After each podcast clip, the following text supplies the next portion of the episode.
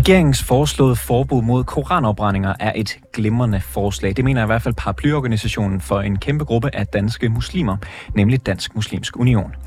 Og selvom unionen er tilfreds med forslaget, så er der alligevel plads til forbedringer. Unionen har faktisk hele 13 forslag til forbedringer.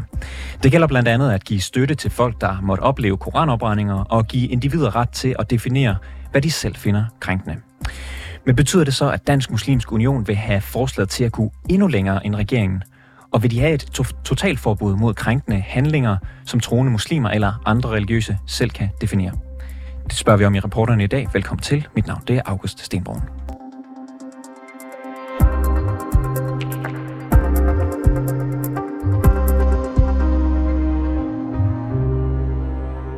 Urfan Ahmed, velkommen til. Mange tak.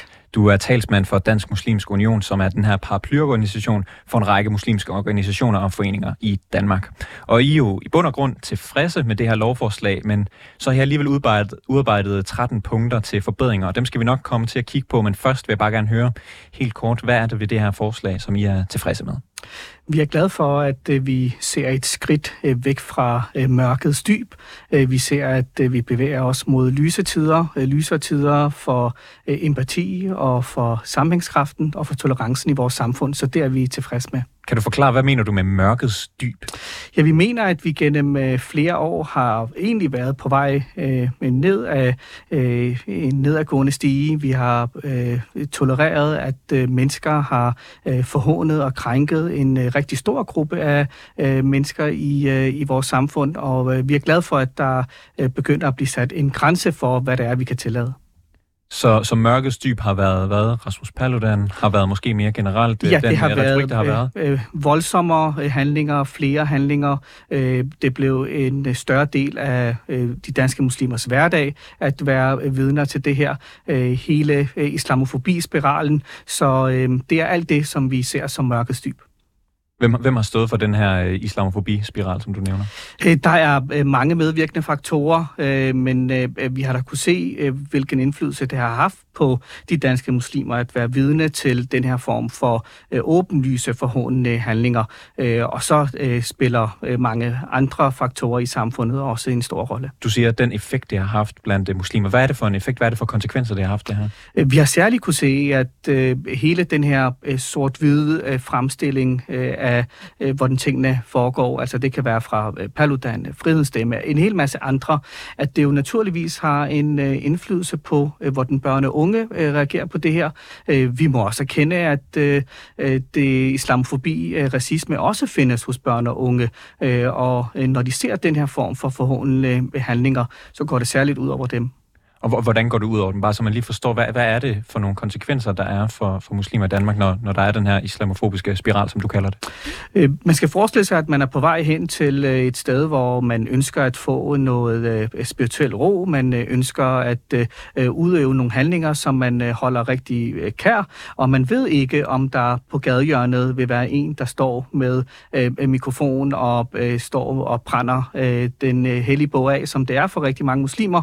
Øh, og og øh, det er den form for usikkerhed øh, i det offentlige rum, øh, som, øh, som vi har set eskalere på det seneste. Du siger til Berlingske omkring det her lovforslag, at øh, det, det forhåbentlig vil loven have den præventive effekt, at den aldrig nogensinde kommer i spil. Hvad betyder det? Det, det er jo rigtig interessant, at vi har jo 1437 lov i Danmark. Øh, lov bliver lavet for at markere en ydre grænse, og øh, med den her lov øh, er man med til at definere, at der er noget, vi øh, ikke vil acceptere. Og vi håber, at det har en øh, generalpræventiv effekt, det vil sige det, at man ved, at øh, øh, det er en handling, der vil være strafbar, det er en handling, der vil kunne blive opdaget, øh, at det er med til at øh, forhindre, at vi måske går fra øh, seks øh, koranafbrændinger om dagen til måske færre, og måske måske en periode slet ingen. Betyder det alt det her, at du faktisk håber på, at der aldrig igen i Danmark vil være nogen, der behandler Koranen på en måde, som muslimer finder krænkende? På samme måde som øh, der foregår trafikforseelser øh, hver dag, selvom vi har øh, meget, meget udvidet øh, regler for det, så er jeg heller ikke naiv og tror, at det aldrig vil ske.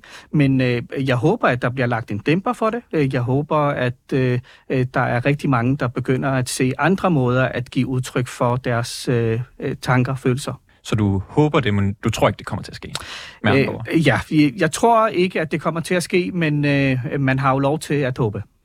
Gælder det også for kunstnere som for eksempel Firoze Basaf Khan, som øh, du håber aldrig vil kunne, eller turde rive en koran igen som øh, systemkritik? Øh, heldigvis er der jo i vores Danmark lighed for loven, det vil sige, det gælder også for, øh, for kunstnere. Det har været øh, fremstillet meget som, at øh, lige præcis øh, den her lov skulle være et øh, dødstød mod alt form for kunstnerisk frihed. Øh, det mener vi ikke. Øh, vi mener, at der allerede har været øh, og er 425 begrænsninger i øh, ytringsfriheden, og deriblandt også den kunstneriske frihed. Og de her 2,4 promille mere samling, øh, mener vi ikke øh, burde øh, kvæle al form for kunstnerisk frihed. Men håber du på, at hun aldrig for eksempel river Koranen igen på drivjern?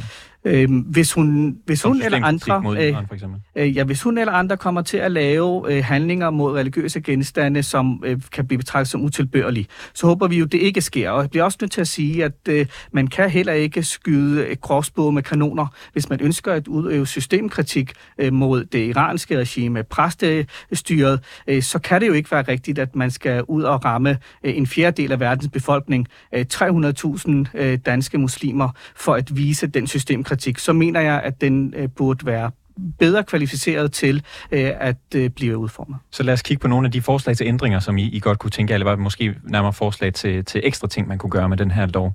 I øh, har et af forslagene, som er et offer for forhåndelse, altså folk, der for eksempel har oplevet, at en koran blev brændt for øjnene af dem, de skal have støtte, såsom rådgivning, psykologisk støtte og juridisk vejledning. Hvorfor mener I, det er nødvendigt? Øh, som sagt øh, har børn og unge og alle mulige andre øh, jo været øh, udsat for øh, de her forhåndelige handlinger.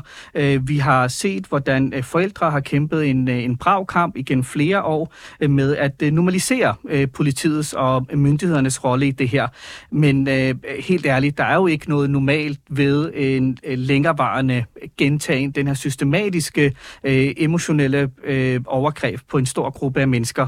Og øh, vi ønsker, at det øh, bliver en del af en antimobbestrategi i skoler, at man i tale sætter den her øh, religiøse forhåndelse som også en måde at øh, mobbe hinanden på. Øh, så vi håber, at der kommer mere fokus på det i samfundet, øh, at øh, der er en helt stor gruppe af mennesker, som igen flere år øh, har øh, følt sig forhåndet. Kan du forklare mig, hvilken situation er det, hvor at der er nogle mennesker, der, der oplever for eksempel at se en, en koran blive brændt. Hvad er det for en situation, de er i, der gør, at de har brug for psykologhjælp? Øh, børn, som er på vej med deres øh, forældre øh, til et sted, hvor de normalt finder ro, hvor de finder et fællesskab, hvor de finder et frirum, øh, og lige pludselig er der sirener, der er mm, store politivogne, der er blå blink. Det er meget voldsomt at opleve, og vi ønsker at normalisere den tilstand. Vi ønsker, at det skal være normalt at kunne færdes på vores gader, uanset om det er Nørrebro eller om det er et andet sted, man kommer. Så vi ønsker ro i, i gaderne, og vi ønsker, at man kan udøve sin øh, religion uden at blive forundret. Så handler det her med psykologhjælp for eksempel mere om det spektakel, der er rundt om en koranopbrænding, end koranopbrænding i sig selv? Øh, ja, øh, det er jo ikke mange, der nødvendigvis har set en koranafbrænding ske selv, fordi man har prøvet at øh, undgå det. Man har prøvet at kigge væk, man har prøvet at, øh, at vende ryggen til, men den bevidsthed om, at man ikke ved, om der nu næste fredag igen vil være nogen, der står øh, og råber og skriger, mens man øh, prøver på at finde ro, øh, det er den del, vi ønsker elimineret. Normalt så giver staten jo for eksempel øh, krisehjælp, psykologhjælp i forbindelse med terrorangreb, eller der var øh, morerne ude i Fields øh, for, for halvandet års tid siden. Vil du mene, at det her var sammenlignet med de ting? Øh, nej, jeg håber, at øh, dem, der har oplevet så voldsomme ting så direkte og har været udsat for det, at de har fået den nødvendige hjælp. Det håber jeg for systemet og for dem. Øh, men det her er øh, tale om dem, der ikke nødvendigvis har set det, men ved, at det er sket, øh, og derfor måske har øh, ændret adfærd med at søge de øh, nødvendige fællesskaber for at få en er, er, er der nogen lige nu, som du kender, som du ved har brug for psykologhjælp, fordi de har set en koran brænde?